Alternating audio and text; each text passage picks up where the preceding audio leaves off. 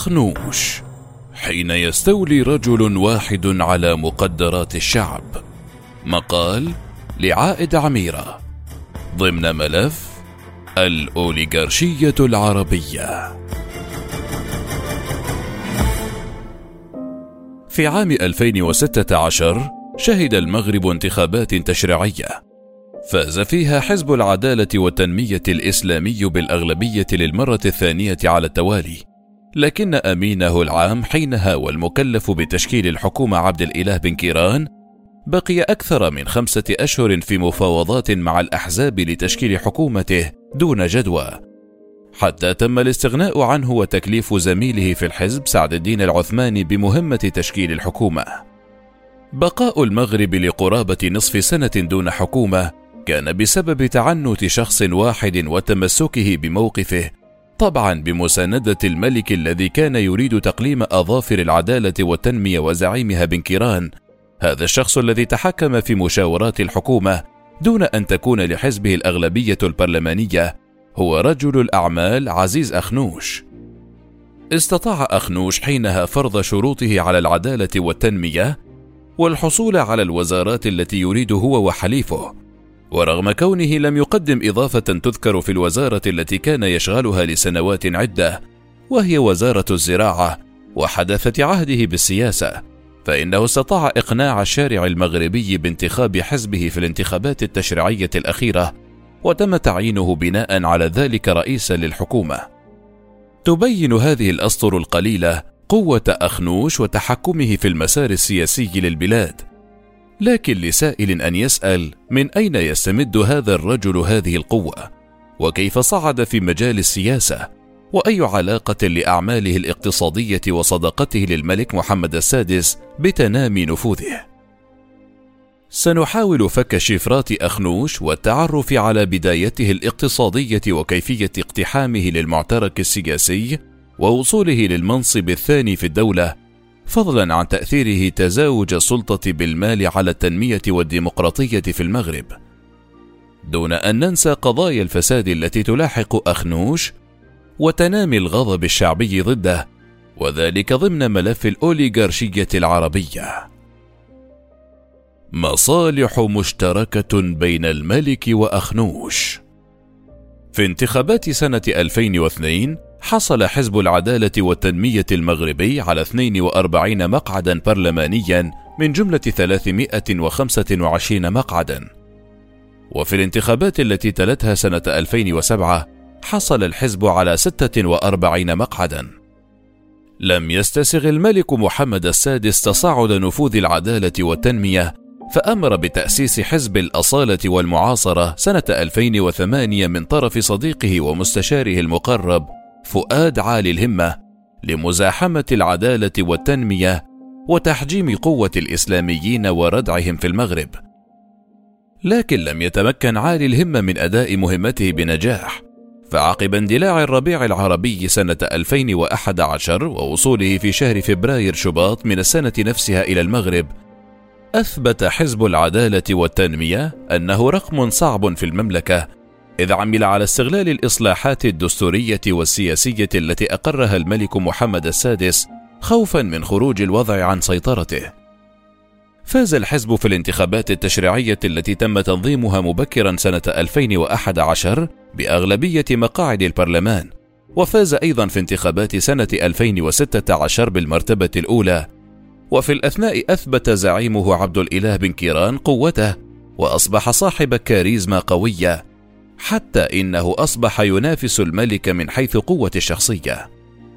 صحيح أن الملك قلص في الدستور الجديد صلاحياته ومنح البعض منها لرئيس الحكومة الذي يكون حصرا من الحزب الفائز في الانتخابات إلا أنه لم يستسغ تنامي قوة ومكانة حزب العدالة والتنمية وبالأخص زعيمه بن كيران الذي قال ذات يوم إن رضا الملك لا يهمه بقدر ما يهمه رضا والدته والشعب المغربي بات زعيم العدالة والتنمية بن كيران يمثل رقما صعبا في المعادلة السياسية المغربية بسبب خطابه السياسي وقوة شخصيته ونجاحه في تسيير الحكومة وتحقيقه نتائج مهمة وتمتعه بشعبية واسعة لدى عامة سكان البلاد.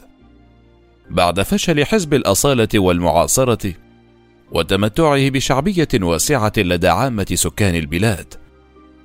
بسبب خطابه السياسي وقوة شخصيته ونجاحه في تسيير الحكومة وتحقيقه نتائج مهمة وتمتعه بشعبية واسعة لدى عامة سكان البلاد. بعد فشل حزب الأصالة والمعاصرة في تقليم نفوذ العدالة والتنمية واتهامه بالفساد، رأى الملك محمد السادس ضرورة الاستنجاد بحزب آخر عله يقوم بهذه المهمة بنجاح. فمحمد السادس لا يقبل أن يزاحمه أحد في الشهرة والمكانة بالمملكة. وقع الاختيار هذه المرة على حزب التجمع الوطني للأحرار الذي تأسس سنة 1977 على يد أحمد عثمان صهر الملك الراحل الحسن الثاني بإعاز من القصر الملكي بقصد إحداث نوع من التوازن مع الأحزاب التي ظلت تنازع الملكية الشرعية السياسية في البلاد منذ الاستقلال إلا أن التركيز الآن كان على شخص حديث العهد بالسياسة، لكنه مقرب من الملك وصاحب ثروة.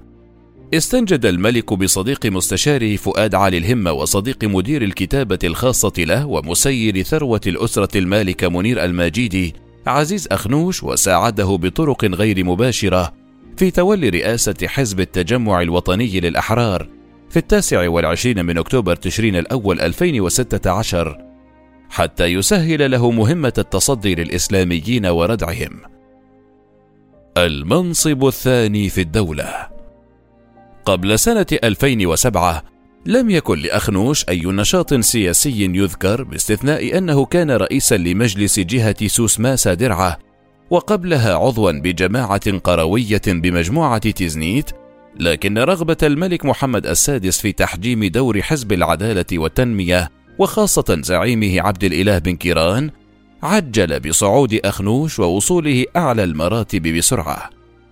يذكر أن أخنوش ولد في مدينة تفراوت بمنطقة سوسة الأمازيغية سنة 1961 وهي منطقة تعرف بميول سكانها لممارسة التجارة متزوج وأب لثلاثة أبناء أكمل دراسته في جامعة شبروك الكندية حيث حصل على ماجستير في إدارة الأعمال.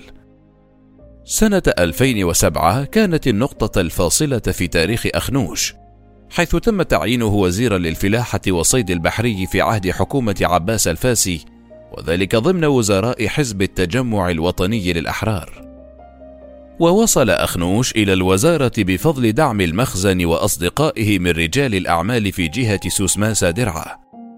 سنة 2011 إثر فوز العدالة والتنمية بأغلبية مقاعد البرلمان ومنحهم أحقية تشكيل الحكومة، قررت قيادة الأحرار عدم المشاركة في حكومة بنكيران، إلا أن أخنوش خالف قرار الحزب وقرر الاستمرار على رأس وزارة الفلاحة والصيد البحري.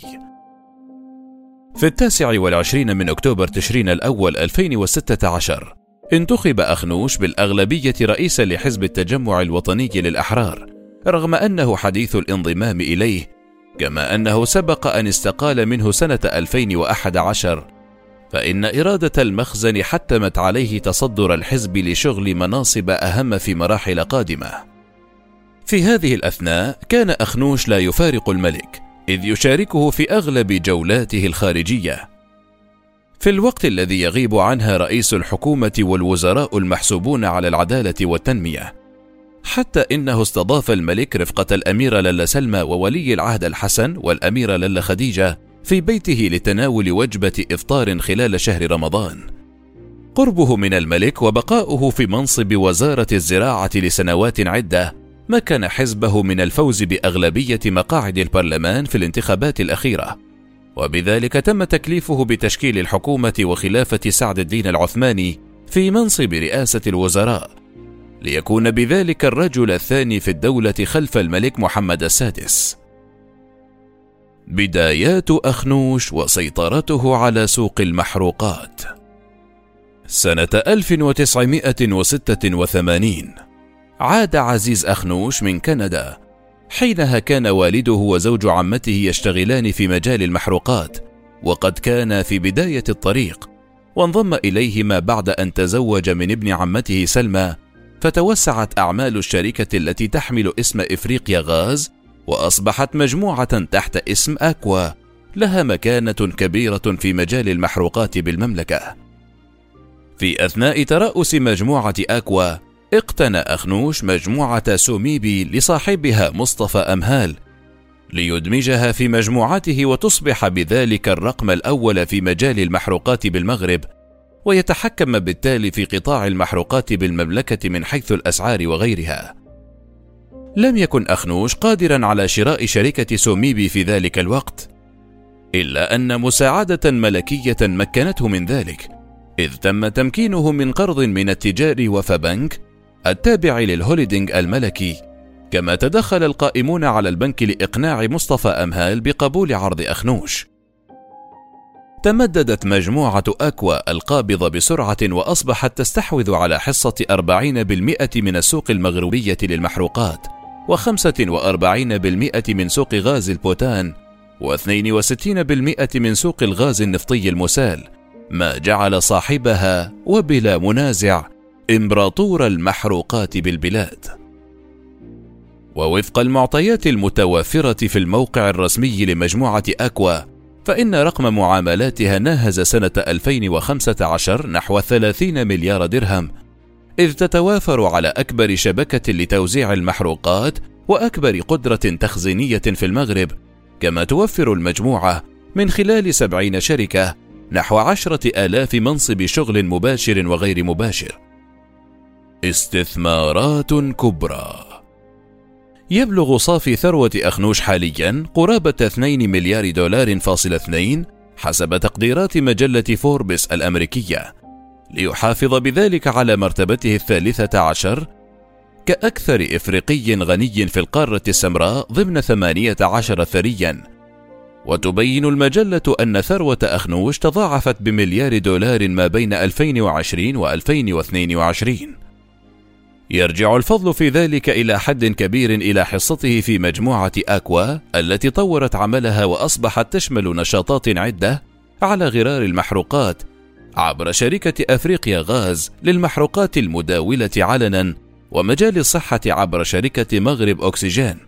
وفي مجال الإعلام عبر مجموعته Caractères المالكة للعديد من الصحف من بينها La Vie éco والمجلة النسائية الأسبوعية الفرنسية Femmes du Maroc ومؤسسات أخرى عديدة إلى جانب العقارات والسياحة من خلال مارينا أكادير.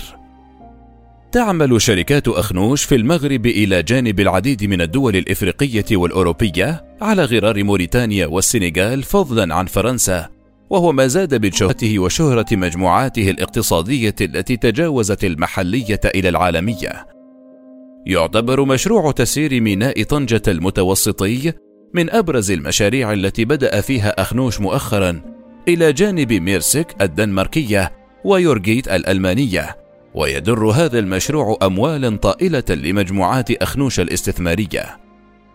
انفتح أخنوش أيضا على عالم الملابس والموضة عبر زوجته سلمى الإدريسي وتشغل هذه الأخيرة مناصب قيادية في الشركات التجارية سواء التي تملكها وحدها أم التي تجمعها بزوجها عزيز اخنوش والمدرجة في أسواق المال.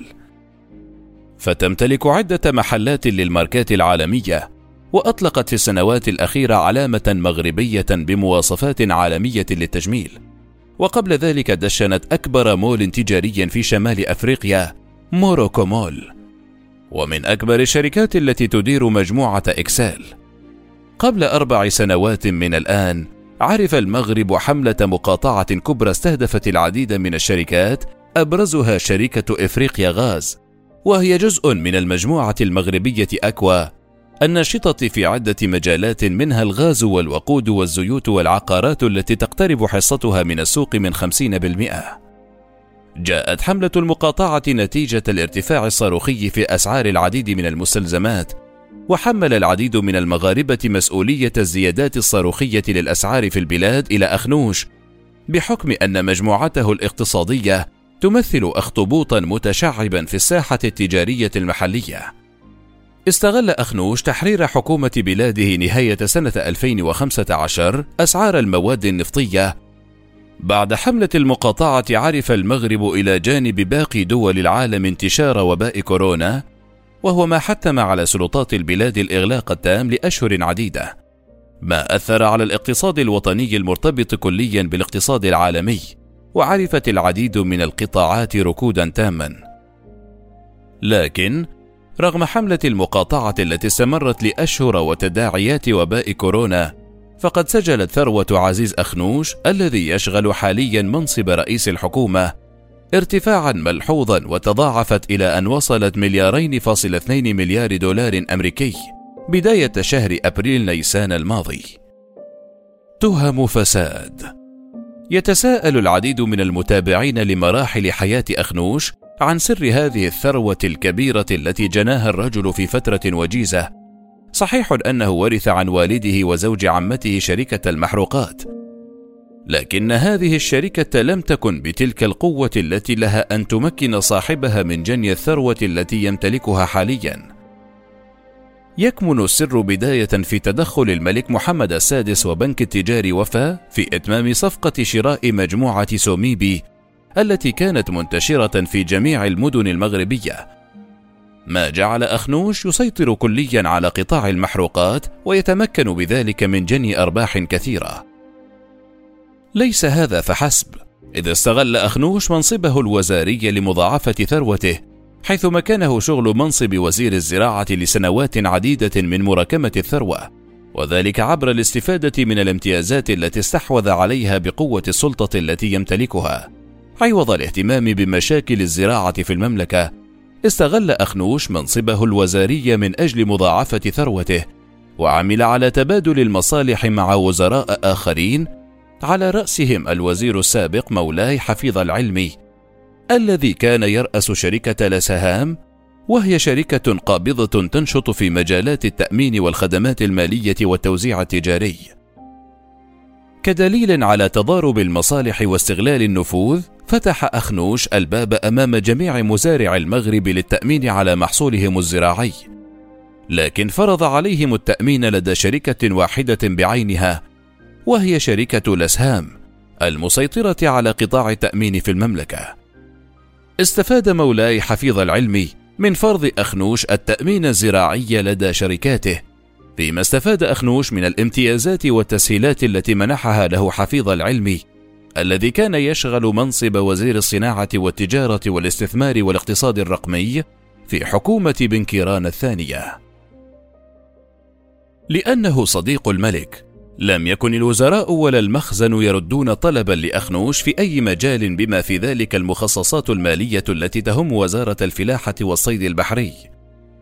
حتى إنه منح حق تدبير صندوق التنمية الفلاحية رغم أن العادة تقول إن تدبير هذا الصندوق يرجع لرئاسة الحكومة. كما استغل أخنوش تحرير حكومة بلاده نهاية سنة 2015 أسعار المواد النفطية. فعقب هذا القرار قررت شركات المحروقات التواطؤ فيما بينها وعدم تخفيض الأسعار. ومن بين تلك الشركات وهي الأهم في قطاع المحروقات شركة إفريقيا المملوكة لعزيز أخنوش. بلغت أرباح تلك الشركات نتيجة هذا القرار ما يناهز 17 مليار درهم وقد ظهرت مطالب في البرلمان لاستعادة هذه الأموال إذ سبق أن قام رئيس مجلس المنافسة إدريس الكراوي بإعداد تقرير عن الأرباح غير المشروعة لأخنوش وذكر التقرير أن المستهلك المغربي سدد مبالغ إضافية أعلى من المسموح به كهامش ربح نتيجة المعاملات الاحتكارية ورفع الأسعار بشكل غير قانوني. وقام الكراوي برفع التقرير للملك محمد السادس، لكن في مارس آذار 2021 تم إعفاء الكراوي من منصبه وتعويضه بأحمد رحو. كما وجه وزير العدل عبد اللطيف وهبي طلبا مباشرا لعزيز أخنوش بإعادة 17 مليار درهم لخزينة الدولة. واستند وهبي إلى تقرير اللجنة البرلمانية الاستطلاعية لسنة 2018 الذي عرض على مجلس النواب ويتحدث عن شركات المحروقات الموجودة في المغرب بصفة عامة وفي مقدمتها شركة أفريقيا المملوكة لآل أخنوش باعتبارها الفاعل الأول في السوق الوطني.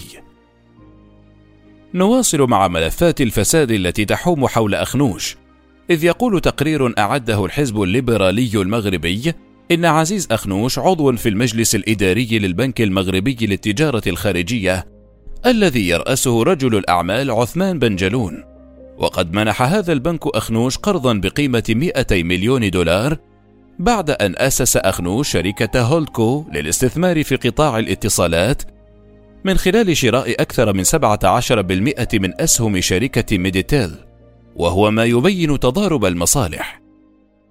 كما يتهم أخنوش حاليا بالاستفادة من ارتفاع أسعار المحروقات ذلك أنه يرفض أن يتم تحديد سقف لأسعار بيع المحروقات ضمن هوامش الأرباح التي كانت تضعها الدولة عندما كانت تدعم هذه الأسعار وذلك حتى يربح أكثر. فضلا عن ذلك يتهم أخنوش بالسماح لشركة والماس للمياه المعدنية باستنزاف الثروة المائية الموجودة بمنطقة والماس بجبال الأطلس رغم معاناة الأهالي هناك من العطش. وذلك من أجل شراء الغاز الموجود بعيون المنطقة لفائدة شركة مغرب أكسجين التي تنتج وتسوق الغازات الطبية والصناعية. وكما قلنا في الأعلى فإن مغرب أكسجين هي شركة مملوكة في غالبيتها لعائلة عزيز أخنوش. لا يتوقف تضارب المصالح هنا إذ يظهر أيضا في ملف استغلال الغاز المستخرج من حقل تندرار الموجود في إقليم فكيك شرق المملكة.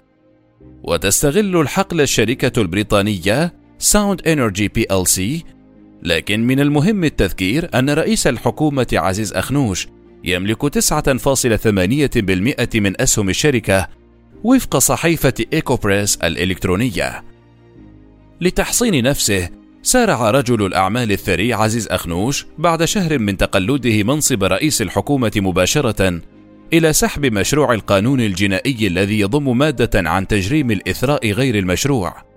في الوقت الذي كان فيه المغاربة ينتظرون مصادقة البرلمان والحكومة على المشروع لتعزيز منظومة مكافحة الكسب غير المشروع ومحاسبة الفاسدين في المملكة. تأثير تزاوج السلطة بالمال على التنمية والديمقراطية. في الوقت الذي تزايدت فيه ثروة أخنوش وبلوغها أرقاما خيالية، سجلت نسبة الفقر ارتفاعا كبيرا، حيث بلغت النسبة السنة الماضية 12.3%، كما تضاعف معدل الهشاشة في المملكة وتضاعف التفاوت الطبقي والاجتماعي هناك. ويعرف المغرب أزمة اجتماعية عميقة وهو ما تجلى في إعلان أعلى سلطة في البلاد فشل النموذج التنموي الذي كان معمولا به لعقود. وتبرز العديد من الإحصاءات الفوارق الكبيرة بين جهات المملكة، سواء على مستوى التشغيل والبطالة أم النسيج الصناعي والسياحي أم البنية التحتية. الأمر الذي يفرز خريطة من الاختلالات بين الجهات التي تنعكس على الجانب الاجتماعي في البلاد. كما انتشرت العديد من الظواهر الاجتماعية السلبية في المملكة من ذلك انتشار الأطفال المشردين أو ما يطلق عليهم أطفال الشوارع في عدة مدن مغربية بأعداد كبيرة حيث ينتشر المئات من الأطفال في جنبات الشوارع تحت العربات أو السيارات المركونة داخل البيوت المهجورة قرب المطاعم وفي الحدائق العمومية. يفترشون الأرض ويلتحفون السماء فلا ملجأ ولا مسكن لهم. ويعتبر الشارع الملاذ الوحيد والاضطراري لآلاف الأطفال الذين تتراوح أعمارهم بين خمسة إلى خمسة عشر سنة ولم تعد هذه الظاهرة تقتصر على الذكور فقط بل والإناث أيضا وهذا ما يعني أن هناك أطفالا سيولدون في الشارع مستقبلا في أحدث تقرير لمنظمة الأمم المتحدة الأخير عن مؤشر التنمية البشري الذي شمل 189 دولة. جاءت المملكة المغربية في مراتب متأخرة بعدما احتلت المرتبة 121 عالميا. واستند التقرير الذي أصدره برنامج الأمم المتحدة الإنمائي في نوفمبر تشرين الثاني 2021 إلى عدة مؤشرات أهمها الصحة والتعليم والفقر وأمد الحياة ومعدل الدخل الفردي. يعتمد التقرير على أربعة مؤشرات هم مؤشر التنمية البشرية المعدل بحسب درجة الفروق ومؤشر التنمية الجنسية ومؤشر الفوارق بين الجنسين الذي يرتكز على تمكين المرأة ومؤشر الفرق المتعدد الأبعاد الذي يقيس جوانب الفقر غير المتصلة بالدخل. تزاوج السلطة والمال أثر على الديمقراطية في المملكة أيضا، حيث لم يعد هناك جدوى من الانتخابات ما دام الملك يضع جماعته في الحكم، أي أن صوت الناخب المغربي لم يعد ذا معنى، والانتخابات مجرد خسائر إضافية للأموال.